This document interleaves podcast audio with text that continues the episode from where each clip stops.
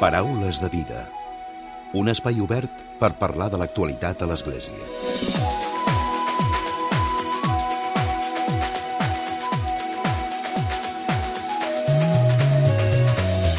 Què tal? Salutacions i molt bon dia, molt bon diumenge. Fa una mica menys de dos mesos es va obrir un nou debat entorn a l'Església i l'homosexualitat després de la publicació per part de la Congregació per la Doctrina de la Fe d'un document en què es sancionava expressament la benedicció de les unions entre persones del mateix sexe. Un document que contrasta amb la pastoral oberta als homosexuals que el papa Francesc ha tingut i ha mantingut des de principis del seu pontificat una situació de proximitat i d'obertura cap a aquest col·lectiu per part del papa Francesc. Avui en volem reflexionar i ho fem amb el nostre convidat, que és l'Enric Vilà. Ell és teòleg, és biblista i també ha estat representant de representant catòlic al Fòrum Europeu de Cristians LGTBI. De seguida el saludem, però abans també us recordo que tindrem, com sempre, el comentari de l'actualitat de Francesc Romeu, que serà a la recta final del Paraules. Comencem.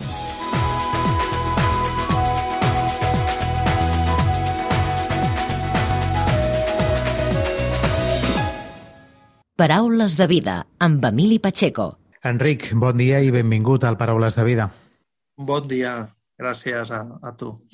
Avui amb l'Enric volem parlar, ho hem dit a la portada, d'aquest document, del document de la doctrina de la fe, que el que fa és rebutjar les unions eh, de matrimonis homosexuals. De fet, l'Enric eh, fa poc ha parlat d'aquest document, ho ha fet al portal Religión Digital, i en allà parlava de que això era, eh, que és un document ofensiu i que fa mal al col·lectiu LGTBI. Així és, Enric? Sí, a, a veure, aquest document eh, que es va fer el 15 de març, va sortir del Vaticà, vale? de la Congregació per la Doctrina de la Fe, aclarim-ho, vale? perquè és un òrgan dins del Vaticà. Després parlem, si de cas, de les lluites que hi ha al Vaticà i tal, no? Però va sortir el 15 de març, ¿vale? Aleshores, és sobre, en contra, és la resposta a un dúbium, a un dubte, ¿vale? Per tant, no és que ells ho provoquin, sinó que ells han, es veuen obligats a respondre, ¿vale? Que això és important, perquè els corrents fan que facin preguntes i vostè se veu obligat, es veu obligat a respondre, ¿vale? Aleshores, en contra benediccions del mateix sexe, de parelles del mateix sexe. Per què això?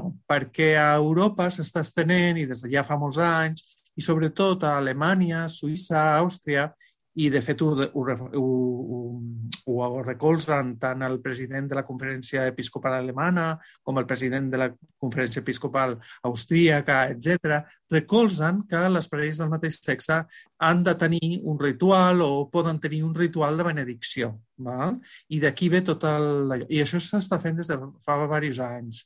Uh -huh. I aleshores això és com un gerro d'aigua freda en contra d'aquestes benediccions que ja s'estan fent des de fa molts anys i, i estan esteses per tota Europa. De fet, a Catalunya se n'han fet. Jo he assistit a nou benediccions de parelles de mateix sexe, fetes per jesuïtes, per franciscans, per benedictins, almenys les que jo hi ha alguna, algun rector d'alguna parròquia, val? i es fa molt, de manera molt discreta, mm, que no cridi l'atenció, eh, en un caire íntim, al si de les comunitats eh, cristianes. No?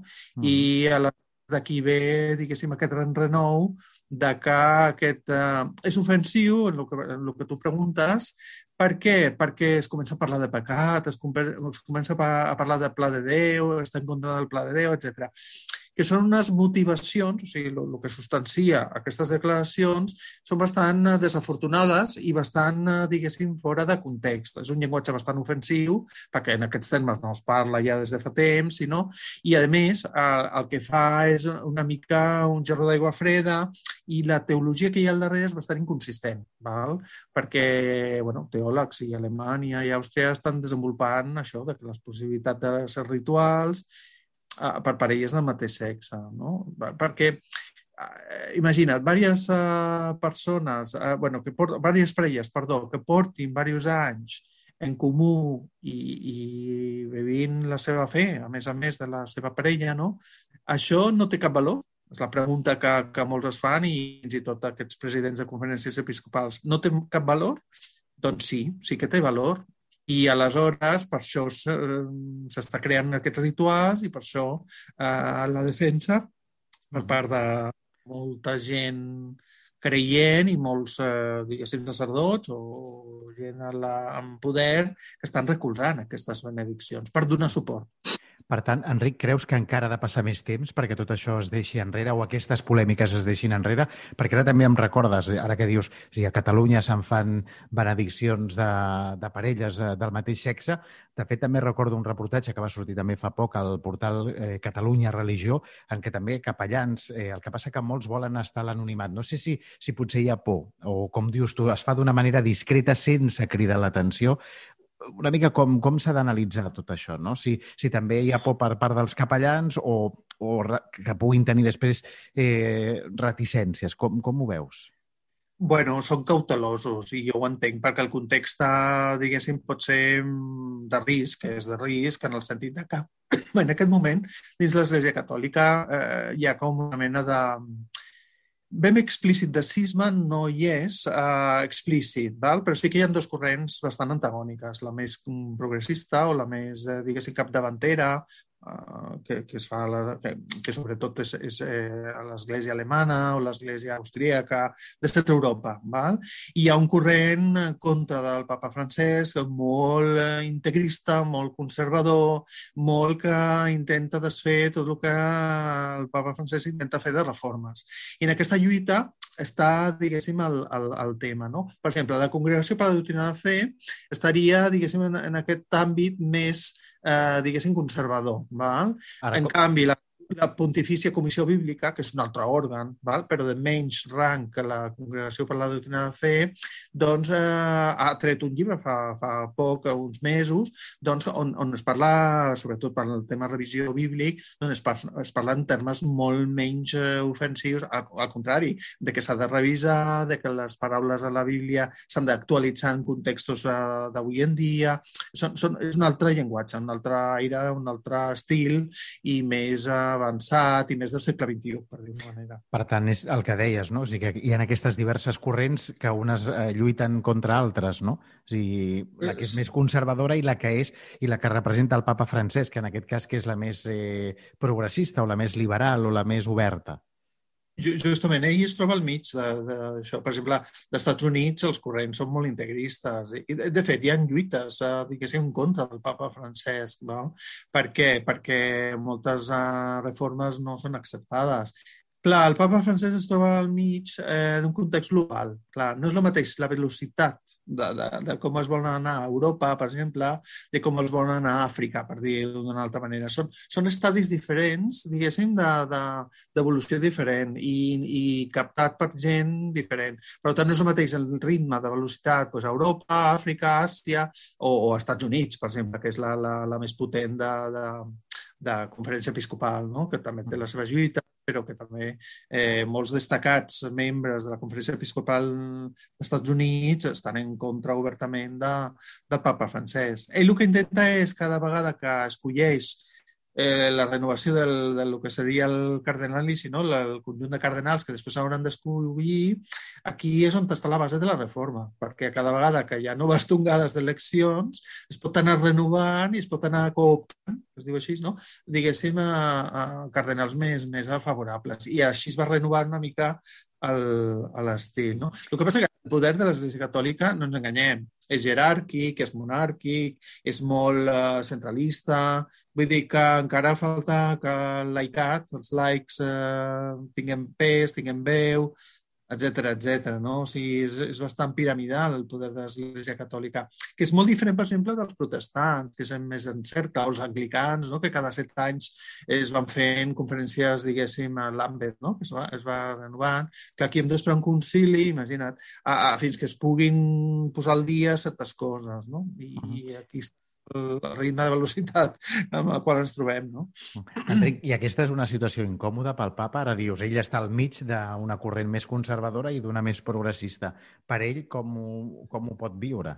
A, a veure, ell, eh, per lo que ell diu i per lo que ell expressa i per lo que ell ha manifestat fins ara, pensem que és un pontificat que només ha durat set anys i ella ha dit que, que li queda poc, o sigui, que, que, que no, és, no serà gaire llarg, això ho ha dit diverses vegades. Eh? El que passa que està esperant també, per fons que, que es pot llegir a diversos mitjans eclesiàstics, no? que mai deixarà el càrrec abans de que mori Benet XVI, perquè, clar, imagina't, un tercer papa allà, diguéssim, hi haurà un col·legi cardinalici de, de papes emèrits, no? Fem broma, no? Però ell no està esperant, no? per dir d'una manera. Però, clar, eh, el tema és que, que ell, eh, la seva missió curta, en aquest cas, és d'obrir finestres. Ell ho té molt clar, que s'han d'obrir finestres. És a dir, posar aquelles peces de canvi que potser no les materialitzarà en primera persona, per dir manera, perquè l'església és lenta, o la jerarquia és lenta, per dir manera, l'església som tots, no? però la jerarquia és lenta, i aleshores ell es veu amb la missió d'anar obrint finestres, pues, acollir, o sigui, rebre transexuals de manera, pues, això, invisible, en el sentit de que són visites privades, o, o per exemple, l'amic Andrea Rovera, que jo tinc a Roma, no? perquè ell és parella, i bueno, és matrimoni i té tres, tres nenes adoptades, no? pues el, els, els ha trucat personalment per dir, sí, sí, si us plau, que, que porteu els vostres, uh, diguéssim, a les vostres criatures a la parròquia, que no, que no, no tingueu por. O sigui, fa aquestes missions, aquestes trucades, aquesta més, eh, diguéssim, of the record, per dir una manera, i el que passa que la veu pública, pues, uh, a part de la paraula gay, que la va dir en un avió, no? ben, ben al cel, no? per dir una manera, això va ser revolucionari, perquè fins ara moment és l'entrada al segle XXI amb el missatge, no? perquè diu gay per primera vegada, amb la qual doncs, dius, de fet, també bé. recordem aquella frase no, que va dir de qui sóc jo per jutjar. Exacte, en el mateix context i en la mateixa declaracions, tornant del Brasil, el primer any de pontificat, això va ser, diguéssim, l'any 2013, no? que ja ha plogut una mica, però, però bueno, era aquest el context que una mica les conferències, conferències stampa, que diuen en italià, quan les fa les conferències de premsa que fa l'avió, no? Eh, sembla que que uns li diuen que no toca de peus a terra i els altres diuen que toca molt al cel, diguéssim, no? O sigui, entengueu com vulguis, no? Perquè, clar, vull dir que diu aquest papa no està tocant de peus a terra quan diu tot això, i un corrent d'església diu, i l'altre diu, no, no, aquestes paraules estan més a prop del cel que altres paraules que, que Però... quan li toca baixar que té peus a terra. En, en tot cas, és un papa que sí que ha fet gestos no? importants d'acostament cap a la comunitat LGTBI no? I, i de, de proximitat, de, de, no? de, en aquest sentit, ha estat revolucionari, no sé si dir-ho d'aquesta manera en trobades particulars, eh, diguéssim, en pronunciar la paraula gay, per dir una manera, en trobada de persones de diversitat de LGTBI, o sigui, no només gais, lesbianes, transexuals, que és un tema més delicat, o són unes persones, de, diguéssim, un context molt més complicat que, que pugui ser les i lesbianes, per dir d'una manera, i perquè toca més tecles, per dir d'una manera, de, del missatge i de la, del credo, no? per dir d'una manera, de l'ortodoxia donat. I aleshores sí, en aquest context és més revolucionari. Després ja quan ens fan els sínodes, que es va fer el de la família o el de la joventut, eh, hi ha un mètode que es diu de, de qüestionaris, no? que es fan de preguntes, que fan participar la gent. pues, clar, ja la gent, eh, diguéssim, pues, els joves s'han manifestat sobre el tema de les relacions prematrimonials o en el cas de la família pues, es va convidar LGTBI, persones LGTBI i tal. El que passa que després aquest, aquestes dinàmiques que es fan en els sínodes, eh, clar, estan, diguéssim, diguéssim, dirigides o estan coordinades o estan, diguéssim, regides per personal eclesiàstic, per dir una manera. Aleshores, tot el que es pot dir allà no arriba a aprovar-se, vale? hi ha molts filtres, perquè pugui després ser un missatge més, més obert i en aquest cas el sínode de la família que es va fer ja fa uns anys a Roma, que nosaltres hi vam participar, diguéssim, perquè fèiem el sínode paral·lel que es va fer a Roma i tal i qual, i amb les nostres converses i vam veure que després no es reflectia en el document final. Val? Aquest és el sistema de filtres o quan jo dic que el poder eclesiàstic o de càrrecs, després els laics no, no es veuen reflectits amb el que, amb el que s'aprova. No? Uh -huh. Aquesta és la, la, la idea. No? A l'inici del programa ho hem dit, l'Enric Vilà és teòleg, és biblista i és el representant catòlic al Fòrum Europeu de Cristians LGTBI, un fòrum que s'ha de fer molt aviat, oi, Enric? Una mica, quina és la feina que feu al, al fòrum? Que es, fa, que se celebra de manera anual i una mica la, què és el que representa?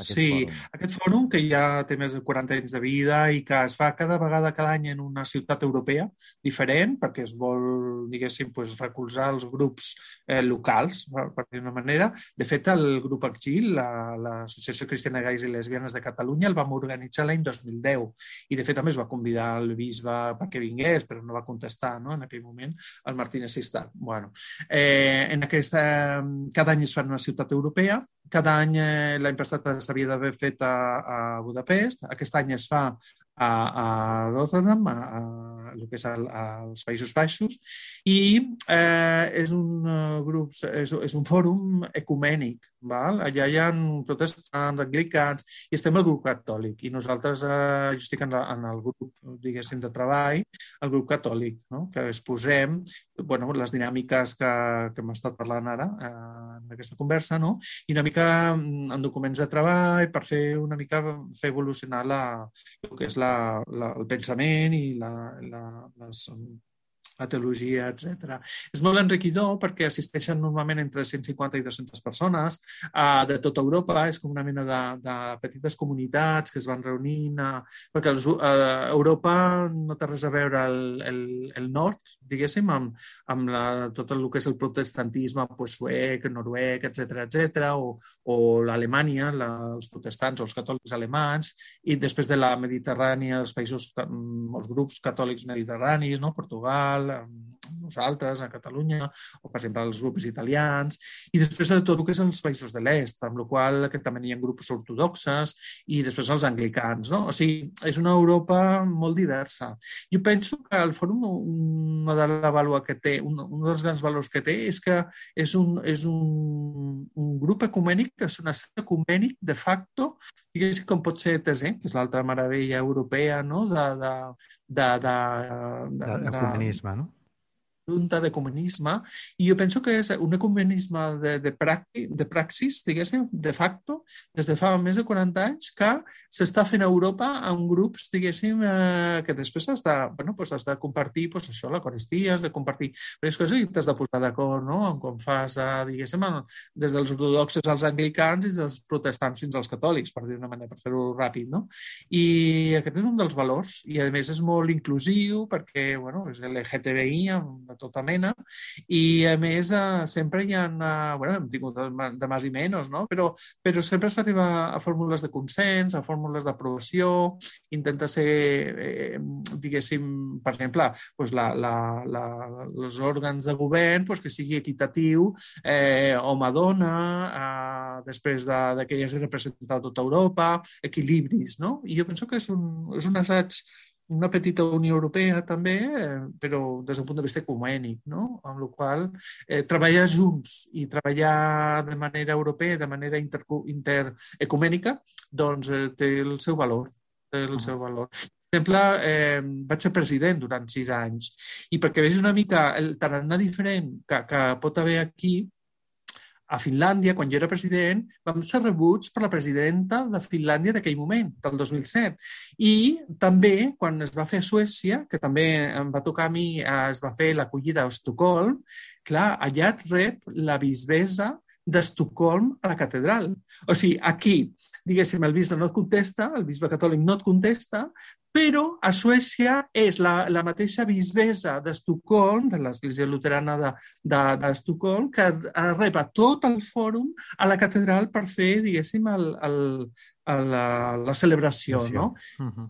I, i, i un país laic com és Finlàndia, amb una presidenta, Harriet Talonen, que, que va ser en aquell moment, és que recordo el Palau Presidencial que hi vam anar... Doncs, sobta, no? Sobta més. Total, i com un valor ecumènic de dir, no, no, és una societat laica, però el valor, diguéssim, de, de les creences els posem en valor. I, i allà, un petit comitè vam anar, i és que recordo amb molt de carinyo les seves paraules i tot el que es va dir allà, no? I mm. veus el contrast no? Finlàndia o Suècia, per dir dos exemples, amb el que aquí ni, ni es contesta una invitació de que dir, mira, pot venir, pot, podem, diguéssim, bueno, pues, pues és un contrast complet. sí, sí. Enric, doncs gràcies. Hem esgotat el temps, però gràcies per haver-nos acompanyat avui al Paraules de Vida. Un plaer, un plaer, Emili. Gràcies a tu. Paraules de Vida, amb Emili Pacheco. I tot seguit, com sempre, arriba el comentari de l'actualitat de Francesc Romeu. Francesc, molt bon dia. Molt bon dia a tothom. Diumenge passat, degut a la urgència sanitària que s'està vivint a la Índia, no us vaig poder parlar del tema del primer de maig, atès que celebràvem el Dia Internacional dels Treballadors i Treballadores per segon any consecutiu dins de la crisi produïda per la pandèmia de la Covid-19. Una crisi sanitària que ja ha esdevingut una crisi econòmica i també laboral. Segons ens va informar Càritas de Barcelona, la pandèmia ha generat noves formes de precarietat laboral. Ara les persones treballadores han d'assumir més riscos d'exposició davant de la malaltia, atès que el 75% de les persones que s'han vist abocades a assumir riscos per raons de feina o tenir conseqüències negatives en el cas de fer una quarantena, atès que el 70% de les persones no es pot permetre fer un confinament, ja que perdria la feina o es quedaria sense ingressos. La majoria d'aquestes persones tenen feines precàries que majoritàriament estan relacionades amb els serveis domèstics, la cura i l'acompanyament a menors, majors i dependents o la venda ambulant entre elles. Com constaten ells, els ERTOs, que en principi eren temporals, han acabat esdevenint EROs, és a dir, acomiadaments permanents, la qual cosa ha suposat un augment definitiu de l'atur. Els titulars que es van els titulars que ens van facilitar Càritas eren també prou alarmants. Un de cada quatre famílies ateses per Càritas Barcelona tenen tots els seus membres sense feina. Sis de cada deu persones acompanyades per l'entitat no tenen una feina digna, sigui perquè no en tenen, que són prop, prop d'un 44%, o perquè es veuen abocades a treballar en el mercat informal, un 20%. Tot això és una mostra més de la gran precarietat laboral i Càritas demana que les entitats del tercer sector tinguin un paper destacat en la recerca i la realització de noves polítiques actives d'ocupació i en la reducció de la bretxa digital. També és interessant destacar el manifest que van fer públic els moviments cristians obrers i les delegacions de Pastoral Obrera de Catalunya, que assenyalaven sis punts. Primer, que la classe treballadora a casa nostra ha vist agreujada la seva situació per la crisi sanitària, econòmica, laboral, social, d'equitat de gènere, ecològica i ètica, produint-se un increment de la desigualtat social en aquest darrer any. Segon, la precarització contínua de les condicions laborals dels treballadors i treballadores, amb una exigència d'una major flexibilitat i la pèrdua dels seus drets. Tercera, a tot això cal sumar unes polítiques socials que no tenen cura de les necessitats bàsiques de les persones. Per tant, cal garantir els drets com ara l'habitatge, la sanitat, l'educació i el treball. Quarta, el fet de ser dona continua significant discriminació i desigualtat en l'àmbit laboral, social i familiar. Cinquena, encara no s'han materialitzat les mesures d'ajuda cap a la societat. Hi ha retards de les ajudes o obstacles en l'accés, entre d'altres, creant moltes dificultats de les persones i famílies per sortir-se'n. I finalment, sisena, constaten que davant d'aquest procés d'augment de les desigualtats es veu agreujada per una crisi democràtica que ve d'abans de la pandèmia, atès que ens trobem amb una contínua criminalització i judicialització de les persones i dels moviments que plantegen un nou model social. Cal anar amb compte amb la reducció dels drets polítics per raó de la pandèmia, com la limitació a les manifestacions de caràcter laboral, feminista, social o polític, per no normalitzar-ho. Per aquest motiu, ells denuncien que hi ha interessos econòmics dels grans monopolis i oligopolis que aprofiten la crisi com una oportunitat econòmica i no com una oportunitat per construir una societat més justa i equitativa. Només cal veure el que ha passat, per exemple, amb les farmacèutiques i el seu enriquiment amb les patents de les vacunes per fer front a la pandèmia. La proposta que ells plantegen és que cal la construcció d'un model social que posi la persona en el centre de l'economia i no els interessos de les grans empreses. I reclamen als cristians de ser presents en l'espai públic i polític, tot treballant amb tanta i tanta gent companya en les lluites per una societat més justa, equitativa i respectuosa amb el món i que posi a les persones en el centre.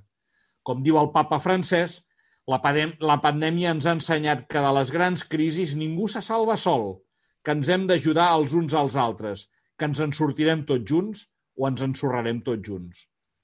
Molt bon diumenge a tothom. Paraules de vida amb Emili Pacheco.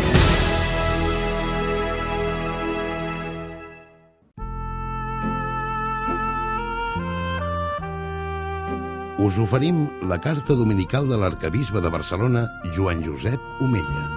Déu vos guard. Avui, amb la Pasqua del Malalt, acaba la campanya d'aquest any dedicat als qui pateixen la malaltia. És una campanya que va començar el passat 11 de febrer amb la 29 Jornada Mundial del Malalt que tenia com a lema «De mestre només en tenim un i tots vosaltres sou germans». En aquesta jornada, el papa Francesc ens convida a reflexionar sobre la cura dels malalts, un element fonamental de la qual és la relació de confiança. Per a la campanya del malalt d'aquest any, el Departament de Pastoral de la Salut de la Conferència Episcopal Espanyola ha proposat el lema Cuidem-nos mútuament. A propòsit d'aquest preciós lema, voldria compartir amb vosaltres un conte que em va arribar fa uns mesos. La història va passar fa molts anys en un poble llunyà on vivia un home que tenia fama de sant. Aquell home irradiava una gran pau i serenitat i tractava a tothom amb paciència i amabilitat. Explica la història que cada nit sortia de la petita casa on vivia i s'endinsava en un bosc. Trigava hores a tornar. Un dia, un dels seus veïns va començar a observar els moviments d'aquell home. Molt encuriosit, aquell veí li va preguntar on anava i ell li va respondre amb senzillesa «Vaig a trobar-me a soles amb Déu». Davant aquesta resposta, l'home va decidir seguir-lo en secret. Una nit, el veí va seguir l'home sant bosc endins. El va veure caminar amb alegria i com entrava en una vella cabana que estava gairebé a les fosques. El veí també va arribar fins a la cabana i va espiar per una finestra que havia al costat de la porta, des d'on va veure com l'home sant netejava el terra, encenia la llar de foc, preparava el sopar per a una senyora anciana i malalta. Allò era el que aquell bon home feia cada nit. En l'endemà, quan el veí va explicar a diversos amics que havia seguit l'home sant, aquest li van preguntar si havia vist aquell home trobar-se amb Déu. Llavors ell, després de meditar un instant, va respondre que sí i que ho havia fet d'una manera meravellosa. Aquesta entranyable història ens pot ajudar a estar més prop dels nostres germans malalts. Si estem atents als que pateixen, ens trobarem amb Déu, tal com ho feia l'home sant d'aquesta història. Demanem al Senyor que ens obri els ulls per poder veure en cada persona vulnerable un fill de Déu. El conte també ens ajuda a valorar la importància de tenir cura dels altres. Tots som vulnerables i podem emmalaltir. Si ens cuidem mútuament, guarirem el nostre món. El papa Francesc diu que la relació de confiança quan tenim cura dels altres és una regla d'or que porta salut i esperança a tothom. Com a comunitat també som cridats a ser propers als que pateixen. Tant de bo que amb l'ajuda de l'Esperit Sant siguem capaços de crear comunitats que no excloguin a ningú i que acullin especialment els més fràgils, una societat és humana en la mesura que sàpiga tenir cura dels seus membres més necessitats. Benvolguts germans i germanes, Crist és l'esperança dels malalts. Enmig de la malaltia i de la solitud, segueix dient-nos, he ressuscitat i visc al vostre costat. Que Maria sostingui la nostra fe i ens ajudi a tenir cura els uns dels altres amb amor fratern. us hem ofert la carta dominical de l'arcabisbe de Barcelona, Joan Josep Omella.